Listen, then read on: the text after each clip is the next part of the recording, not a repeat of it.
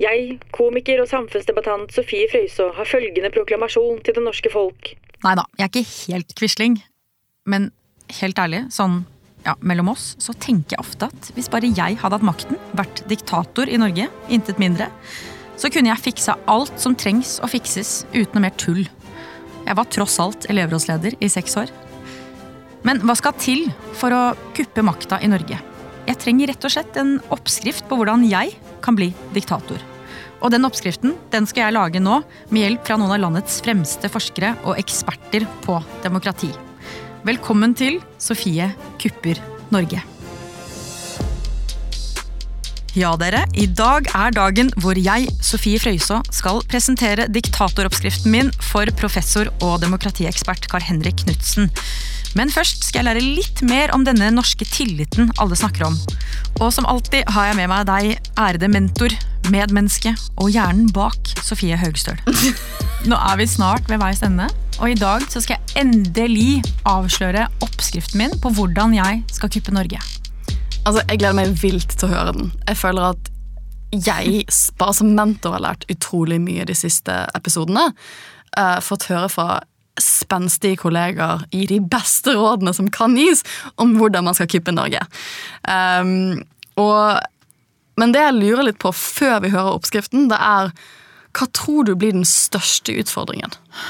Oi, jeg tror den største utfordringen blir å gjøre det så diskré at ikke det blir lagt merke til. At det ikke blir avslørt. Eh, det, det tror jeg blir min største utfordring. Mm.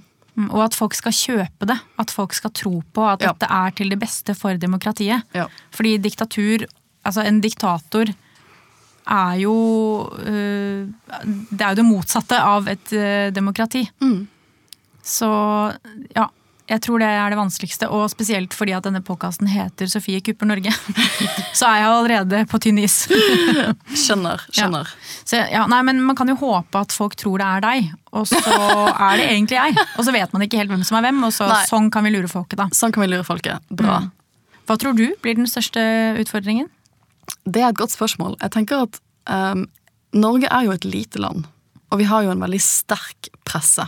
Altså veldig, veldig altså, gode, kritiske, uavhengige journalister når de ikke skriver clickbate om Paradise Hotel osv., så, videre, mm. så er det noen ganske gode gravejournalister i Norge.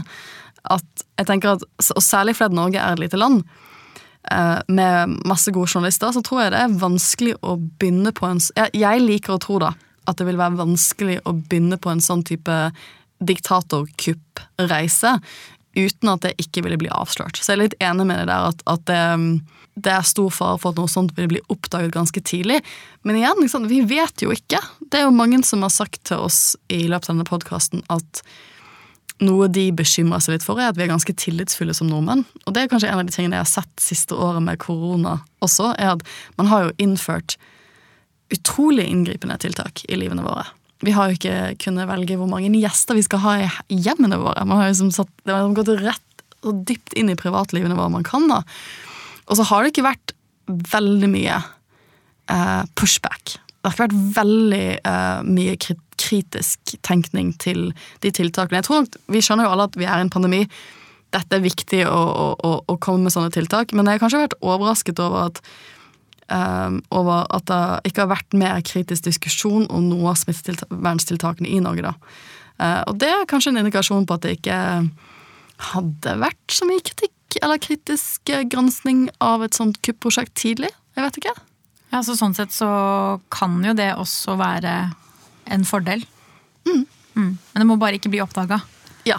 ja. Det tror jeg er ganske viktig. Disse gravejournalistene de må være opptatt med noe annet. De må gjøre andre ting. Ja. Mm. Altså De landene som nå er i ferd med å bli mindre demokratiske, som Polen, Ungarn, Brasil, Tyrkia, det er jo ikke land som ligner så veldig på Norge.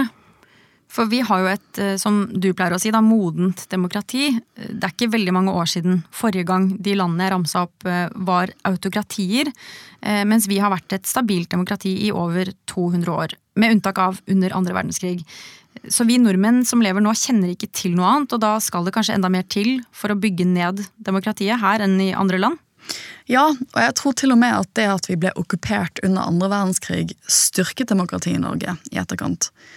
Eh, For besteforeldregenerasjonen vår, da, de vokste jo opp i et demokrati, men de har også følt et autoritært regime på kroppen.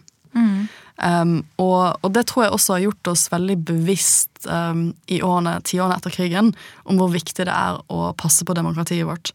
Men jeg merker jo at uh, jeg har en lillebror som er 19. Og han har jo ikke det forholdet som til og med jeg har til andre verdenskrig og den okkupasjonen. Um, så kanskje for nyere generasjoner så har de virkelig vokst opp hvor de ikke har noe annet kjennskap til, til, uh, til noe annet enn et demokrati. Uh, og da og det er litt interessant om man da er like oppmerksom på, noe, på, på at noen prøver å tukle med systemet. Jeg tror det er en fordel for meg at de vet ikke bedre, så de har ikke noe sammenligningsgrunnlag. Kanskje de har ikke noe sammenligningsgrunner. De, jeg, jeg tror at jeg føler at når jeg har snakket med eh, med besteforeldrene mine, altså eh, bestefaren min var jo krigsfange på Grini og i Møllergata, så satt det så utrolig inni ryggmargen. Mm. Uh, uh, dette med demokrati, rettsstat, disse verdiene her, det, det var så utrolig viktig. For du har virkelig følt på kroppen hvordan det er å ikke eh, bo i et sånt land. Um, så jeg, jeg føler at de var veldig, jeg føler at de var veldig på vakt. Uh, men det, det er vi kanskje ikke på lik måte, vi som vokser opp i dag, for vi har jo ikke vokst opp noe annet. Og da kan man kanskje bruke den naive uvitenheten vi har av og til. For jeg tror ganske mange som er, sånn, er, som er unge i dag, også tenker sånn Vi har alltid vært demokrati, selvfølgelig skal vi fortsette å være demokrati. Men demokrati er jo ikke en, en tilstand du oppnår, og så er du bare demokrati for evig. Det er jo noe du må jobbe med hver eneste dag Mm, for å opprettholde det. for å opprettholde det. Eh, og da er man kanskje ikke, hvis man ikke har de vaktbjellene på, da, eller um, er kritiske nok, så er man kanskje ikke helt overvåken når noen da kommer og prøver å tukle med det demokratiske systemet vi har hatt, og er veldig stolt av. Ja, så vet du ikke hva du har før du mister det, ikke sant? Men én ting jeg fortsatt ikke blir helt klok på, er denne enorme tilliten nordmenn har til myndighetene. Det er jo veldig gunstig for meg, selvfølgelig, men jeg lurer på hva det er med nordmenn som gjør at tilliten er så høy. Det må jeg finne ut av. Ja, den tilliten har i hvert fall kommet veldig godt med under pandemien. Vi stoler på at myndighetene vil vårt beste, og de aller fleste gjør det de kan for å følge reglene, tror jeg. Ja, og det er det her som er vanskelig for meg som diktator. For i forrige episode snakket vi om hvordan jeg kan utnytte en krise for å skaffe meg mer makt. Men i et sterkt demokrati som Norge eh, virker det som at kriser gjør oss enda mer gira på demokrati enn før. Og da tenker jeg ikke bare på korona, men også på 22. juli. Men ble det egentlig mer demokrati etter 22. juli, og hva gjorde det med tilliten vår? Jeg har nok en gang fått en ekspert til å komme hit i studio, og denne gangen er det professor i teologi ved Universitetet i Oslo, Jone Salomonsen, som er så heldig å få komme hit til meg. Takk. Jone, du har jo blant annet forsket på hvordan det norske folket, eller norske samfunnet, da, reagerte på terrorangrepene 22. juli, og hvordan det påvirket demokratiet. Hva forteller disse reaksjonene om oss? Og det er jo et eh, veldig stort eh, spørsmål. Eh, de- reaksjonene som, som skjer umiddelbart, det er at folk føler seg delvis truffet selv. De, de føler seg som folk, som, som denne gruppa. Som er, noen i gruppa er truffet, noen har angrepet gruppa, og alle føler seg truffet. Og det er jo denne medmenneskeligheten. Altså når det, demokrati definerer oss enkeltvis som, som, med, som mennesker, som sammen kommer sammen med likeverdige, så, så skal vi ikke undervurdere denne identiteten som folk. Den er ganske viktig. Eh, og, og det å føle med andre er jo en, en veldig viktig egenskap å ha. Med, medfølelse med andre. Men det er jo selvfølgelig også Man er jo, man er jo truffet som land, som nasjon. Ja, det var et angrep på demokratiet. Absolutt, det var et angrep på demokratiet. Men det er klart at den, den første reaksjonen var nok en, en medfølelsesreaksjon. Og et sjokk. Sjokket av at dette kunne skje på norsk jord. Og alle kjenner noen som kjenner noen som var på Utøya, ikke sant? som var i regjeringsbygget. Vi er et så lite land. Så det det sier om oss, det er at eh, vår evne til empati, den er ganske i orden. Og det, det var fint å se. Og så bruker man de ressursene man har, altså man gjør det man gjør når noen er død. Man kommer sammen. Og bruker de tradisjonene som ligger i, i, i ja, det å sørge over døde, gravferdsskikker, måten vi, vi, gjør ting på, å vise medfølelse. Og det folk gjør, var jo at de gikk til Oslos gater. Det ble stedet, og, i hvert fall hvis vi snakker om Oslo, da, jeg, mm. som jeg kjenner. Hvor vi kommer sammen der. Og så gjør folk sånne ting så når, de kondolerer. De bringer blomster. Det er som de går på et gravsted. De bringer gjenstander. Sånn, mange bringer også gjenstander i kistene til, til døde. Det er mange ting som utvikler seg. Noen brakte også eh, ting de hadde skrevet brev som var direkte til de døde. Noen snakket også til Norge, noen snakket til politikerne i disse brevene, vet jo om for noen har forsket på det. Men de laget jo ikke noe nummer av det. Det var jo ikke et politisk møte hvor du leste opp dine brev og utsagn Det var helt sånn ja, jeg kommer med meg, og en del av meg er også dette brevet. Nå legger jeg det ned på bakken. Jeg kommer med meg, jeg har med en bamse, jeg har med litt sjokolade, jeg har med disse blomstene. Og så sto vi jo sammen, og det varte og rakk og varte og rakk. Så det er et gigantisk kondolanserituale som foregår i Oslos gater. Mm. Og det, det, de samlet seg utenfor kirken veldig veldig fort. Var jo overalt i Oslo. Vi ble oppfordret om å, om å, om å spre, dekke hele Oslo som en sånt skjold over Oslo. Dekke det opp med det motsatte av vold, da, som var å dekke det med kjærlighet, dekke det med roser, dekke det med rettferdighet. Altså rosen betyr jo både kjærlighet og rettferdighet. Mm. Og det, det, gjorde folk, eh, men så hadde de jo denne, sin, altså denne spissingen foran domkirken. Og det er jo heller ikke rart, fordi at den også forbindes jo med et sted der livet ofte begynnes, med dåp, og der også livet Altså kirken er jo med å avslutte ved å stå for veldig mange gravferder. Da. Det er jo mm. 70, 70, over 70 av nordmenn bruker jo kirken i det. Så det var ikke så rart. Men den åpnet jo også dørene sine, så du fikk jo denne rare opplevelsen vi ikke har hatt før, på samme måten. At det var som torget og kirken gikk i ett. Og det var nok kirke, eller katedralens, altså Oslo-katedralens også intensjon på en måte bare åpne dørene og la bare folk gjøre det de trengte. Tenne lys, høre på musikk, sitte, meditere, gå ut, komme tilbake, sirkulere. Mm. Det, altså, det, ble jo stående som et eh, sitat som veldig mange av oss eh, trøstet oss med. At eh, hvis en mann kan vise så mye hat, tenk så mye kjærlighet vi kan vise sammen. Mm. Vi fikk jo, skal man kalle det kritikk, eller i hvert fall reaksjoner fra andre land som mente at eh, her er Norge naive. At vi går ut i gatene med roser. Uh, hva tenker du om det? Altså, det kunne ikke være mer feil.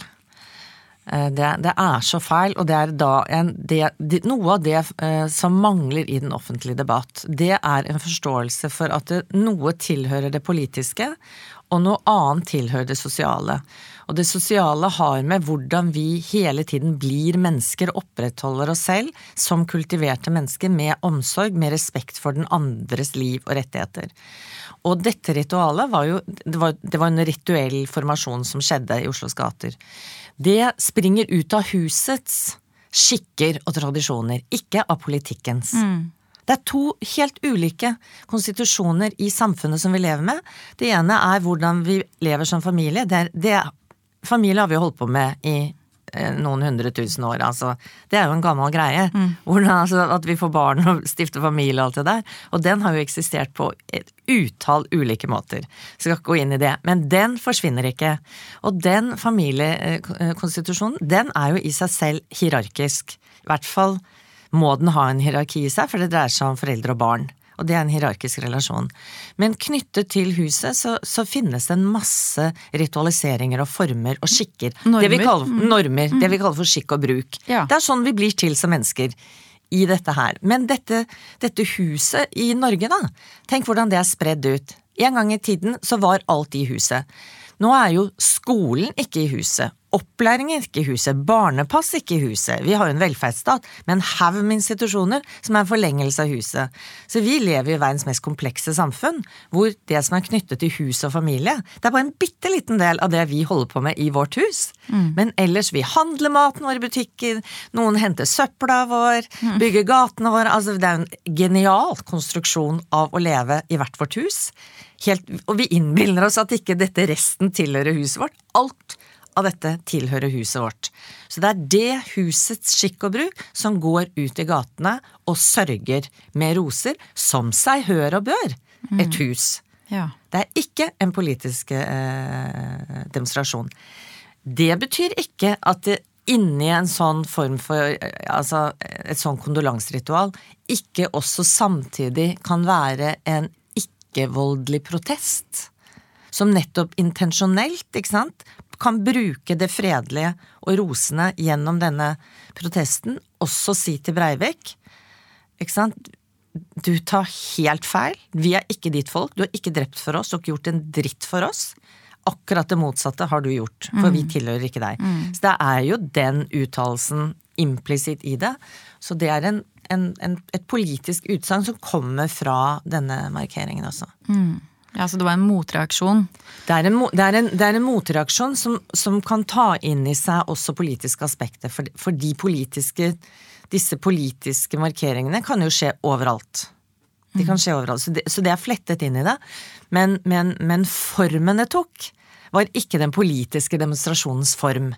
Det var kondolanseritualets form med ikke-voldelig Altså, når man plasserer roser foran Stortinget, foran når man plasserer det foran institusjoner i samfunnet som bærer demokratiet vårt, så er jo det politiske handlinger.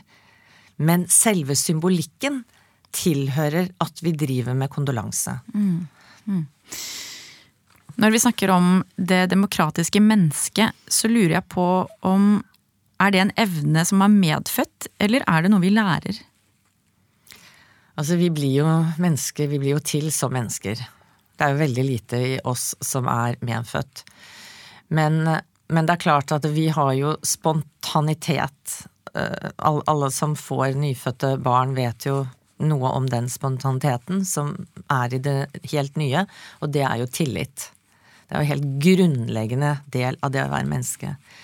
Og det er klart at det å, å, å la denne tilliten få vokse, og la det bli et grunnlag for et menneskes liv, eller bryte ned den tilliten og la frykt bli grunnlag for et menneskes liv, det er jo to helt forskjellige prosjekter. Så, så det å hvordan vi oppdrar våre barn, hvordan vi oppdrar oss selv, hverandre, altså hvordan vi lever sammen, om, om det er basert på tillit og korreksjoner, samtaler, ord, eller om det er basert på frykt og vold og disiplin, altså det er to forskjellige verdener. Så det er både det at normen finnes i oss, altså kjærligheten er jo ikke konstruert, den også bor jo i oss. Tilliten, kjærligheten, håpet. At jeg tror på hva du sier, det er min første antakelse. At jeg tror. Det er min neste antakelse å ikke tro på deg. Men min spontane er jo at jeg tror på hva du sier. Så jeg må ha lært gjennom mange erfaringer å slutte å tro på det folk sier. Så, så det er klart du kan lage et samfunn hvor jeg ikke kan tro på noen. Det er korrupsjon overalt, alle ljuger, alle stjeler. Eh, Jeg er ikke trygg hjemme, jeg er ikke trygg noen steder. Så, så det er både sånn at det bor i oss, men det andre kan også komme til å bo i oss, for det vet vi. Mennesker kan bli utrolig fantastisk og godt og flott, og mennesker kan bli helt ødelagt. Og gjøre de verste ting, ikke sant? Begge mulighetene er i oss. Så hva slags samfunn vi skaper, er helt avgjørende for hvordan vi blir som mennesker. Dette er veldig veldig interessant. Tenker du at eh, etter 22. juli, eh, hvor vi da var nødt til å ta et oppgjør med dette og ikke være blinde for det som skjer, ser du at det har skjedd noe med det norske demokratiet, eller hvordan vi som mennesker forholder oss til hverandre etter 22. juli, nå ti år siden? Jeg tenker at det vi så utspille seg i Oslo gate altså Nå underviser jo jeg unge mennesker, og jeg har veldig tro på den generasjonen etter meg. Og mine barn. Altså 20-åringer syns jeg er en helt fantastisk gruppe å forholde seg til. Eh, Jeg tenker at det er De er bedre enn oss. Dere er bedre enn oss. Det er, no, det, liksom, det er noe som skjer. Eh, Stor empati stort engasjement. Altså det er Jeg har veldig tro på, på, på den nye generasjonen. Men jeg er også veldig klar over at det er økte forskjeller, polariseringer i samfunnet. Og det er helt avgjørende for at vi skal leve i fred, at velferdsmodellen vår fungerer. At vi, at vi altså deler godene. At, at vi ikke får veldig, veldig store forskjelligheter som skaper Ja, altså Rik og fattig, det kan vi ikke ha. Vi kan ikke ha rik og fattig i et demokrati. Det funker ikke. Det er, det er premisset. Da forsvinner denne grunnleggende likeverdigheten som vi må ha. Så det er noe i det som, som hele tiden må nytenkes. Og, og, og, og vi kan ikke ha for stor polarisering. Men det er klart at de nye ideene som kommer, altså den nye etnonasjonalismen, den radikale, ultraradikale nasjonalismen, dette nye tankegodset som veldig mange unge mennesker eh, dras inn i, det må vi ta ekstremt på alvor. Men positivt da, så vil jeg jo si, og det er også viktig å gjøre folk klar over, det er at vi øver jo på demokratiets forutsetninger. Forutsetningen er jo, eh, er jo det normative. Mm. Altså tilliten, eh, rettferdigheten, villigheten jeg lar meg representere villig. Mm. Jeg har tillit til at de som gjør jobben sin, ikke er korrupte, osv. Den, denne medmenneskeligheten, denne tilliten til den andre, eh, den øver vi jo på på så veldig mange måter, og jeg bruker det intensjonelt, det der uttrykket øve, og ritualene våre er en del av den øvelsen. Mm.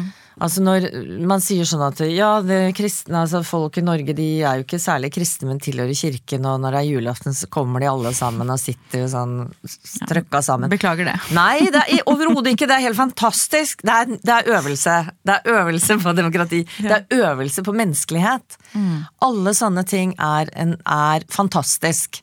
Og du kan ikke ha teologisk perspektiv på alt som skjer. Er, altså, det er, jo veldig mye annet som skjer når mennesker kommer sammen enn noe religiøst. Mm. Så alle disse tingene har verdi. Og når vi feirer 17. mai, så er det jo et gigarituale som foregår, og alle er jo innenfor det. Og da snakker jo nordmenn med hverandre. Vi ja, hilser jo på hverandre og er jo bare helt annerledes. Eller på fjellet. Eller på fjellet. Hilser på hverandre og blir plutselig noe helt annet. Mm.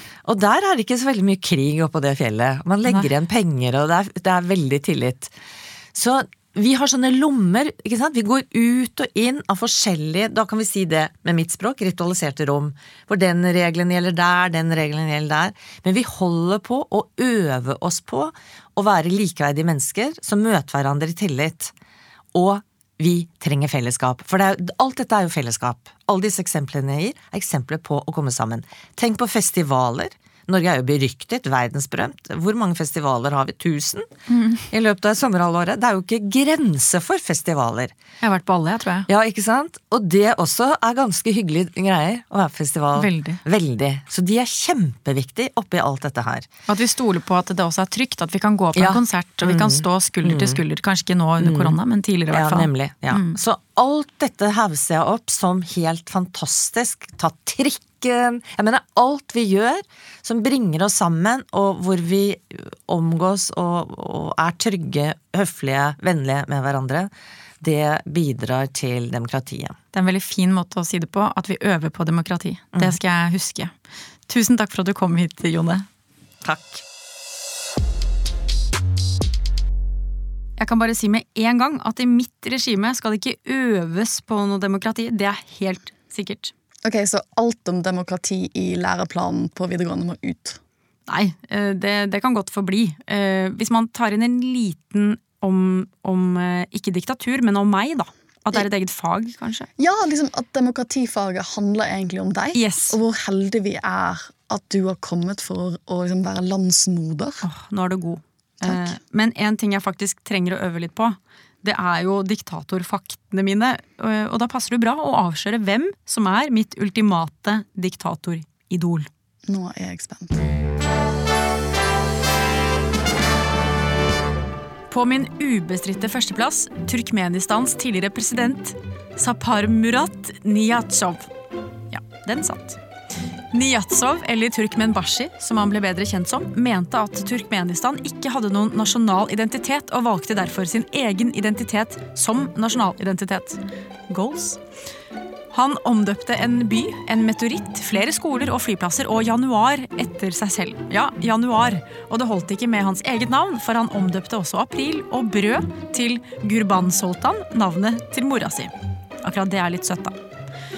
Han erstattet mesteparten av pensum fra barneskolen til universitetet med en bok han selv hadde skrevet om seg selv. Det var det plass til etter at han hadde faset ut fag som algebra, fysikk og gym. Og innbyggerne ble testa i kunnskap om boka for å studere, jobbe i staten eller ta lappen. I tillegg stengte han alle bibliotek og alle sykehus i distriktene. Bibliotek fordi han mente at de fleste turkmenere bare trengte å lese Koranen og selvbiografien hans. Sykehus fordi han mente at syke bare kunne komme inn til hovedstaden for behandling. Vedum hadde klikka. Han forbød eller kritiserte som i praksis lignet på forbud alt han ikke likte. Virkelig alt. Noen eksempler er lipsynking, røyking, ballett, opera og sirkus, sminke for nyhetsankere, langt hår og skjegg for menn, videospill, gulltenner, og han utviste alle hunder fra hovedstaden fordi han syntes de luktet vondt. Så han var imot det meste som er gøy i livet, da, med ett viktig unntak. Den andre søndagen i august hvert år minnes vi slett ikke president eh, men en av hans største bragder, nemlig å innføre en helligdag for melonen. Ja. God melon da, dere. God melon. Ja, Kunne du tenkt deg å dra til Turkmenistan? Altså, ikke etter å ha hørt dette. Jeg, jeg merker at jeg får omtrent like lyst til det som jeg har til å reise til Nord-Korea. Ja, Men altså, de kunne jo kanskje trengt en valgobservatør, da. Det tror jeg. Ja, Kanskje sånn- flere. En sånn som deg. Eh, Men nå, Sofie, eh, nå skal det skje. Nå kommer det du har ventet på i seks episoder. Jeg skal avsløre oppskriften min på hvordan jeg skal kuppe Norge. Jeg er så spent. Det er nesten som å se en student gå opp til eksamen. Bare, Bare- veldig mye mer. Bare veldig mye mer. Du trenger ikke å liksom minimere meg. Nei, ok, Nei, ja. det er litt større. Det er som at alle studentene har hatt hele livet skal opp til en eksamen. ja og, du er jo selvfølgelig og store leder. Ja, Mm. takk. Jeg, må, jeg må jobbe litt med Ja, du er ikke god nok. Nei. Nei. Ja, men du er jo min mentor og fremtidige utenriksminister, ikke sant? Absolutt. Eh, og du er allerede under meg. Det må du aldri glemme. Eh, så til å Aldri vurdere glemme. Nei, så til å vurdere da diktatoroppskriften min trenger jeg en upartisk dommer, Sofie. Vi har derfor fått et gjensyn med vår aller første gjest. Velkommen tilbake, professor i statsvitenskap Carl Henrik Knutsen. Tusen takk for det. Du var jo her i første episode og lærte meg selve definisjonen på demokrati. Og da lærte de også at selvkupp var veien å gå, fremfor militærkupp. Og det tok jeg til meg. Så nå har jeg snakket med eksperter på valg, diktatorer, lovgivning, ekstremisme, media og kriser, og hodet mitt er rett og slett stappfullt nå av fakta og gode råd. Og jeg er klar til å dele oppskriften min på hvordan jeg skal kuppe makta i Norge. Mhm. Vil du høre oppskriften? Ja, jeg ser frem til eh, å bli rådgiver i, det nye, i det nye regimet. Ja, det er godt å høre. Ja. Her er min fasit. 1. Jeg må aldri si høyt at jeg vil bli diktator. Alt jeg gjør, må jeg gjøre sakte og gradvis, og jeg må fronte det som at alt jeg gjør, faktisk styrker demokratiet i Norge. Veldig bra. 2. Jeg skal bli leder av et parti, og her har jeg vært litt rebelsk og gått for et nytt parti, Mm. Mental Helsepartiet. Dette høres litt mer tvilsomt ut, men, men ja, Hold tanken. jeg holder tanken. 3. Jeg skal bygge en tydelig gruppeidentitet for velgerne og skape et oss og dem-narrativ som øker polariseringen. Alle som er imot vårt parti eller prosjekt, er udemokratiske og unorske. Jeg skal spille mer på frykt, slik at nordmenn blir mer skeptiske og mistroiske til hverandre. Høres veldig, veldig smart ut. Fire. Jeg skal bruke alternative medier til å spre konspirasjonsteorier og propaganda som skaper mistillit til opposisjonspartiene og tradisjonelle medier. Mm. Mm, du nikker. Ja, jeg nikker. 5. Jeg vil nekte å stille opp i tradisjonelle mediekanaler. Jeg skal holde meg til plattformer hvor jeg selv styrer både spørsmål og svar. Det er en risiko... Jeg skjønner hvorfor du gjør det. Det er en litt mer risikofylt strategi, men eh, ja, ja. Det kommer an på hvor, hvor gode disse alternative plattformene er. 6. Jeg skal vinne valget og bli statsminister. Det høres eh, fint og greit ut. Ja. Enkelt og greit. Enkelt og greit. 7. Jeg vil ta kontroll over Høyesterett ved å senke pensjonsalderen, sånn at jeg kan bytte ut de eldste med dommerne som liker meg. Sparke alle som protesterer. Kjempesmart. Åtte. Jeg skal innføre nye lover som gir meg gradvis mer makt, men gjør det under radaren, med et språk folk flest ikke skjønner, og med navn eller temaer som får lite oppmerksomhet i media. Ja. Og gjerne, hvis, hvis du blir tatt på det, så, så må du ha en god, god forklaring på at dette her er, eh, er viktig for landet. 9. Jeg skal utnytte en krise, enten en eksisterende eller skape en selv. Jeg skal innføre unntakstilstander og lover som begrenser folks mulighet til å samles og protestere og uttale seg kritisk til regjeringen. Det er ikke lov. Og så skal jeg sørge for at lovene fortsetter å gjelde også etter at krisen er over. det, det hadde jeg altså gjort. Jeg er glad for at du sier Ja. Ti. Når jeg først er valgt, skal jeg rigge neste valg. Jeg skal gjøre det vanskeligere å stemme på opposisjonen ved å innføre strenge kriterier for å stille til valg, som forhåndsgodkjenning av kandidater, og gjøre det vanskeligere for opposisjonens velgere å bruke stemmeretten. Jeg skal ha større avstand mellom stemmelokalene og begrensede åpningstider i distrikter der det er mange som er negative til regimet. Ja. Det siste er, det siste er veldig viktig. Ta vekk sånn forhåndsstemmemuligheter og, og sånn også. Ja. Og sånn blir jeg diktator.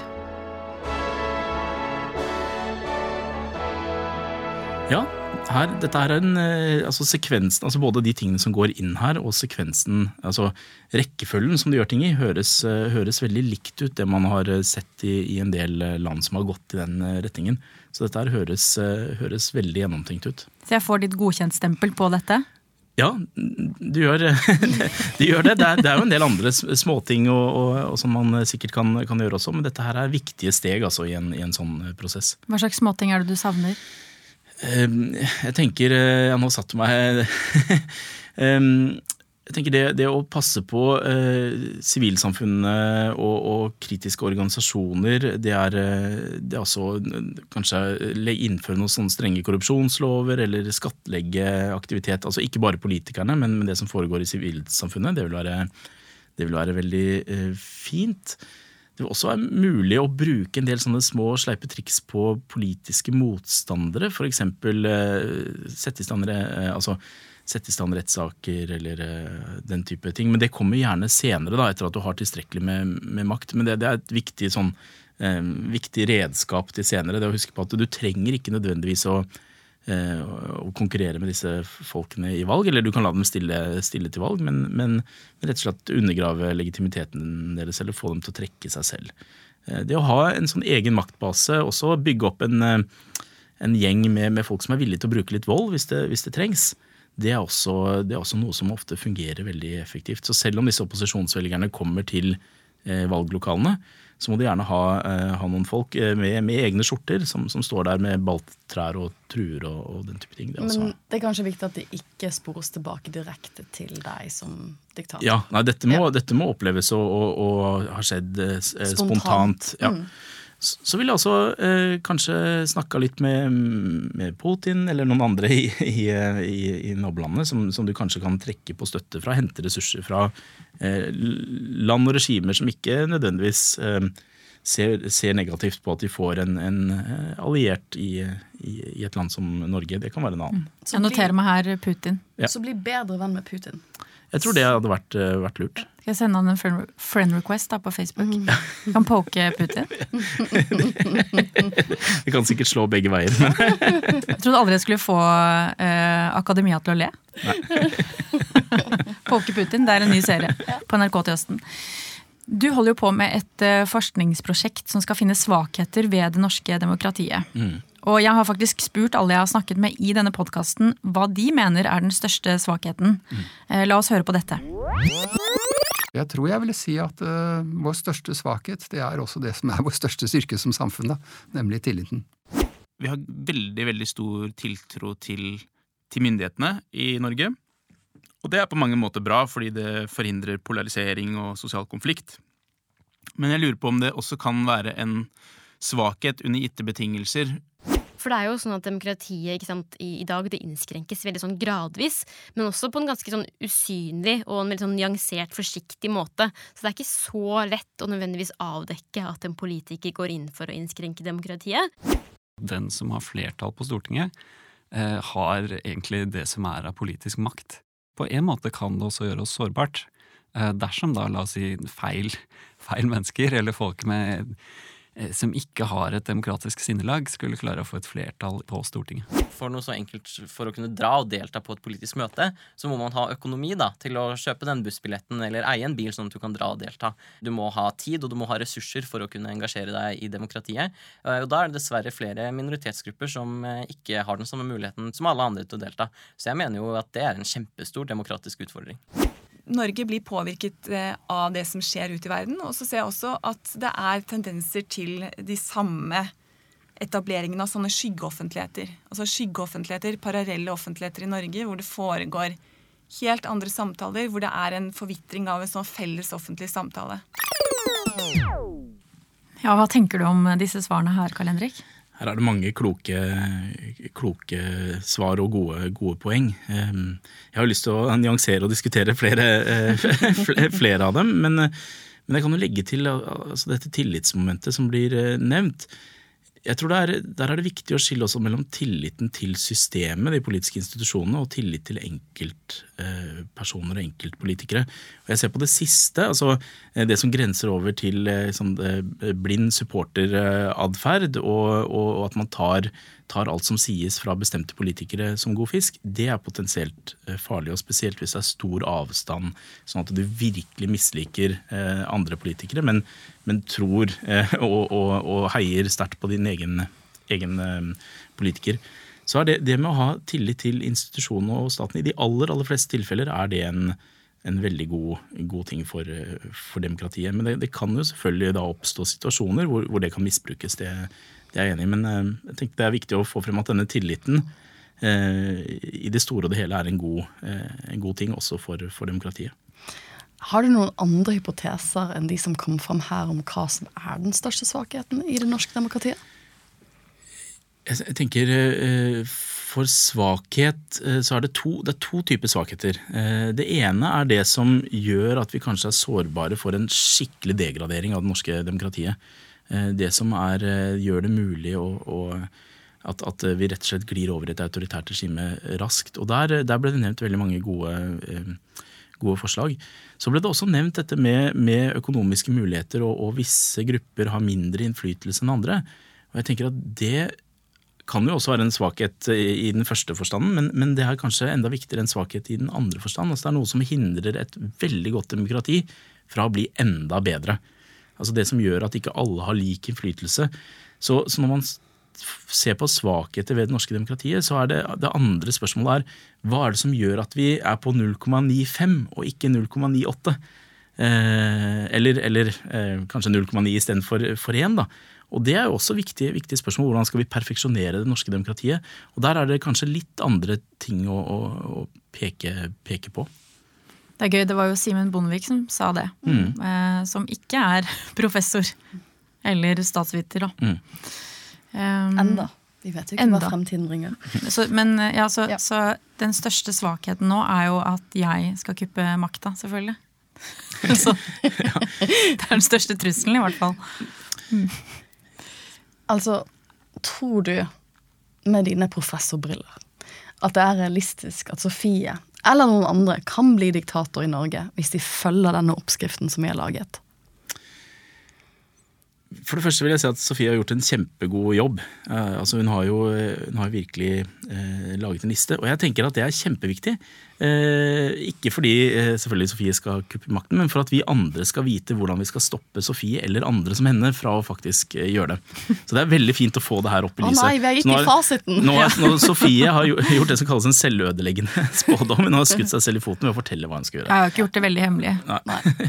Så det, det, er, det, er, det første. Um, men selv med en så god liste som det Sofie har laget, så ville jeg hatt veldig Jeg skulle hatt veldig gode odds. Eh, eller, altså skulle, det skulle vært veldig mye penger å hente eh, hvis jeg skulle veddet på at, at du eh, skulle lykkes.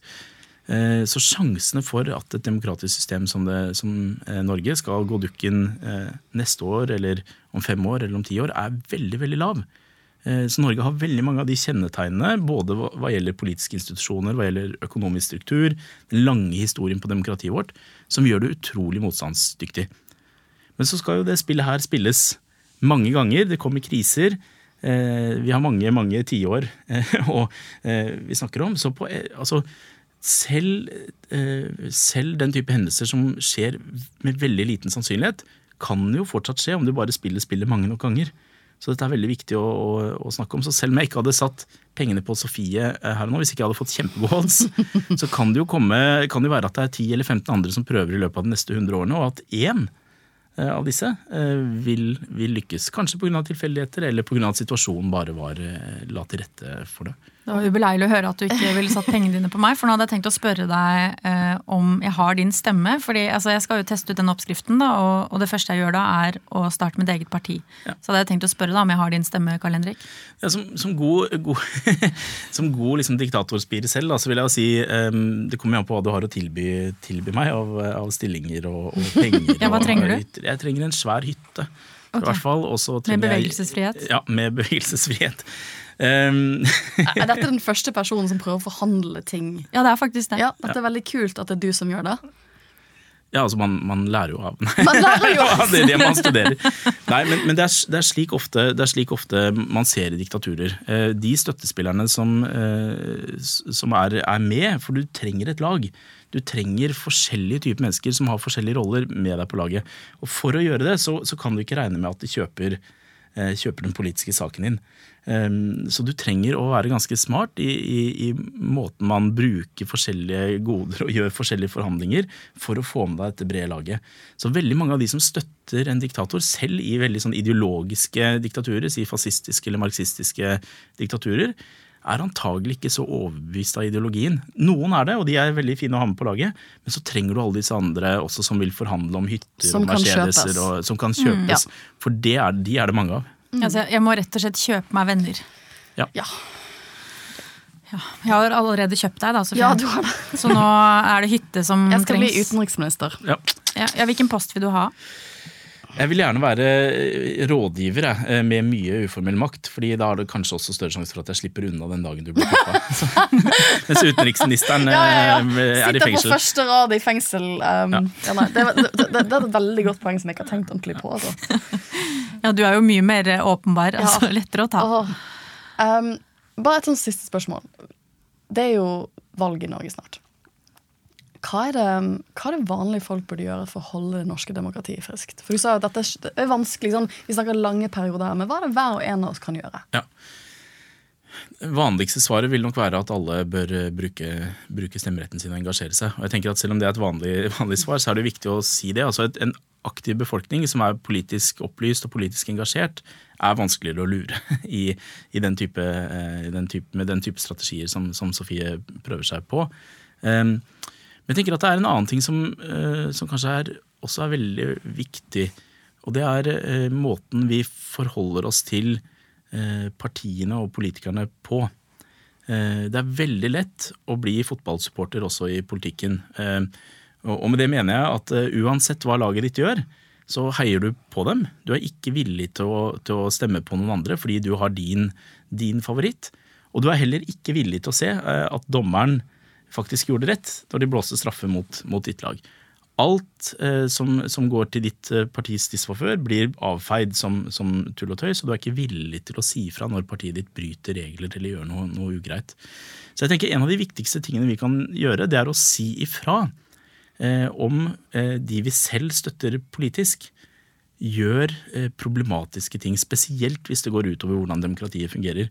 Så det er mye mer effektivt om Arbeiderparti-velgere sier ifra når Jonas Gahr Støre eh, gjør noe problematisk, og Høyre-velgere sier ifra når Erna Solberg gjør noe problematisk, enn om folk som står langt unna politisk, eh, gjør det. Så det, det tenker jeg det er en oppfordring til folk om å, om å ikke bli fotballsupportere, men være kritiske velgere, og gjør, gjør at politikerne faktisk fortjener den stemmen vår. Fikk jeg gåsehud. Jeg fikk gåsehud. Det, det var vakkert-. Tusen takk for at du var med oss, Karl Henrik Knutsen. Takk skal du ha. Jeg er faktisk eh, ganske fornøyd med oppskriften min, Ja. Og store leder, her har du jobbet godt. Oi. Eh, jeg tenker at hvis du fikk Carl Henriks seal of approval, så er alt mulig. Ja, altså Det var helt nydelig. eh, Det må jeg bare si. Ja, eh, altså jeg, jeg ble litt rørt, rett og slett. Eh, men nå har du hatt din avsløring, og nå, o store leder, er det på tide med min siste avsløring. Okay. For du har jo bedt meg om å quize deg underveis, og jeg gjør det selvfølgelig bare som din undersått. Eh, og denne gangen så skal jeg teste deg alt du har lært, hos store leder, gjennom hele podkasten. Dette er jo en straff. Nei, hos store leder. Dette, dette er kos. Dette er det du har spurt meg om å gjøre. Ja. Du får ti spørsmål. Nei. Bonusspørsmål. Ja. Nei. Er du klar? Nei. Spørsmål én. Hva betyr ordet demokrati? Det er jo så ekstremt grunnleggende. Og det betyr Det er jo regjeringen, da. Og hvem er det som har stemt på regjeringen? Folket. Så demokrati er Folket. Folkestyre. Ja! Ja. Og mektige fyrste. Jeg gir det et poeng. Eh, to. Hva slags styreform ville Arbeiderpartiet erstatte demokratiet med etter første verdenskrig? Proletarisk eh, Diktatur? Nei. Yes! Er det sant? Dette, dette fikk du ikke til første episode. Nei. Og nå føler jeg at vi ser hvilken diktator du holder på å utvikle Mm. deg inn i. Nå kan du liksom finforskjellene på forskjellige typer autoritære regimer. Mm. Oh, um, spørsmål tre. Hva er de tre statsmaktene? Det er storting, regjering og rettsstat. Også kalt domstolene. Domstolene. Åh, nydelig. Uh, tre av tre så langt, ikke dårlig. Fire. Hvor mange utjevningsmandater har vi i stortingsvalget? 19. Åh, jeg blir rørt. Fem. Nevn to ulike former for kupp. Selvkupp og militært kupp. Altså, jeg føler at du er snart utlært i denne diktatorskolen. Takk. Spørsmål seks. Hva slags styreform er den mest stabile ifølge forskningen? Demokrati. Demokrati. Uh, uh, Nei. vi, er, vi er inne på riktig Det er varmt for det er barneområdet, demokrati. Oh, ja. Men hvilket form for demokrati? Jeg er bare sånn varmt. Er det tropisk demokrati? Er det, det er noe jeg kunne digga. Med noe Um, Kygo og noe Clubhouse, eh, palmer. Eh, Ok, Da er det egentlig veldig kaldt, da. Det er ofte kaldt. Et valgt demokrati. Nei da. Det er et Au. Mitt favorittord. Autokrati. Nei, et modent demokrati? Nei. Nei, et liberalt demokrati. Liberalt demokrati. Liberaler. Oh. Liberaler. Eh, liberalt demokrati er den mest stabile styringsformen ifølge forskere. Ja. Ok, Syvende spørsmål. Nevn et eksempel på en norm Donald Trump brøt som president. Innsyn. Du skal bli inspirert av innsyn? Ja, altså innsyn i hva? Nei, i skatt, for eksempel. Ja I skattemeldinger, kanskje? Mhm. Mhm. Spørsmål åtte. Hva slags situasjoner vil autokratiske regimer gjerne at utenlandsk presse skal komme for å dekke? Kriser. Eller altså, i hvert fall naturkatastrofer. Fantastisk. Naturkatastrofer. Mm. Vi må få til noen av de Ja. i fremtiden. Mm. Ok. Niende spørsmål. Hva er den viktigste forskjellen på tradisjonelle og alternative medier? Den viktigste forskjellen er at ved eh, tradisjonelle medier så må man følge Vær varsom-plakaten og pressens faglige utvalg, og at det er redaktørstyrt. Altså, Et perfekt svar. Dette hadde vi jo som spørsmål i en tidligere episode, og det viser jo bare hvor mye dette du har sugd opp og husker i langtidshukommelsen din. Ja, Jeg er stolt av deg. takk. Ok, Nå vil jeg si at du ligger på sånn 8,5 poeng allerede. Så liksom, nå, nå kan du nesten få et perfect score her. Ikke noe press, men her er spørsmål nummer ti. Nevn én grunn til at en krise er et gunstig tidspunkt å skaffe seg mer makt på. Det er fordi at um, Altså, et eksempel er at når det er en krise, så vil andre saker få mindre oppmerksomhet i media. Perfekt. Herregud. Du har fått 9,5 av 10 mulige poeng. Det er nok en gang bestått med laud og glans. Gratulerer, Sofie. Tusen takk, Sofie. Hvordan føles det å ha fått en A i diktatorembetet? Det føles eh, veldig naturlig. Mm. Skal du ramme den på veggen som en vanlig dipl altså diplom? Eller, men vi skal jo late som du ikke er Det har vi lært. Vi skal jo late som du ikke er diktatorspire. Ja, ja. Så du må gjemme den i så fall. Absolutt. Ja. Du kan få den, du, da. Ja, og henge den opp på veggen min på Det juridiske fakultet. Eller mer et sånn altre der du har bilde av meg. Altså, Det har jeg allerede på kontoret. Det skaffet jeg meg forrige uke, for jeg skjønte at det var viktig for meg å gå inn i den rollen som jeg skal inn i nå. Så nå er det en liten sånn, et sånn bilde av deg, og så blomster rundt, og så noen bilder av eh, Fomle. ba fomle og lykkelige barn. for Ja. å signifisere mental helse. Perfekt. Mm. Nå gjenstår det bare for meg å takke alle ekspertene som har bidratt til denne podkasten, og ikke minst deg, min mentor Sofie Høgestøl. Tusen takk. Det har vært en sann ære. Jeg håper at du som lytter har blitt inspirert til å tenke mer på demokrati, men ikke så inspirert at du vil bruke oppskriften min og bli diktator, da. Selvfølgelig. Og hvis du vil lese mer om forskningen til alle som har deltatt i denne podkasten, kan du gå inn på uio.no skråstrek Sofie Kupper Norge i ett ord. Jeg anbefaler også podkasten Universitetsplassen for mer spennende forskning fra Universitetet i Oslo. Tusen takk for nå. Denne podkasten fra Universitetet i Oslo er produsert av både og ved Stian Letessier. Programleder er Sofie Frøysaa, produsent Hanna Kanon Klingberg. På research Sivert Isaksen Wart. Klippere er Olav Nedberget og Joakim Sandvik. Og ansvarlig redaktør ved Universitetet i Oslo er Arild Blomkvist. Les mer på uio.no Sofie Kupper Norge.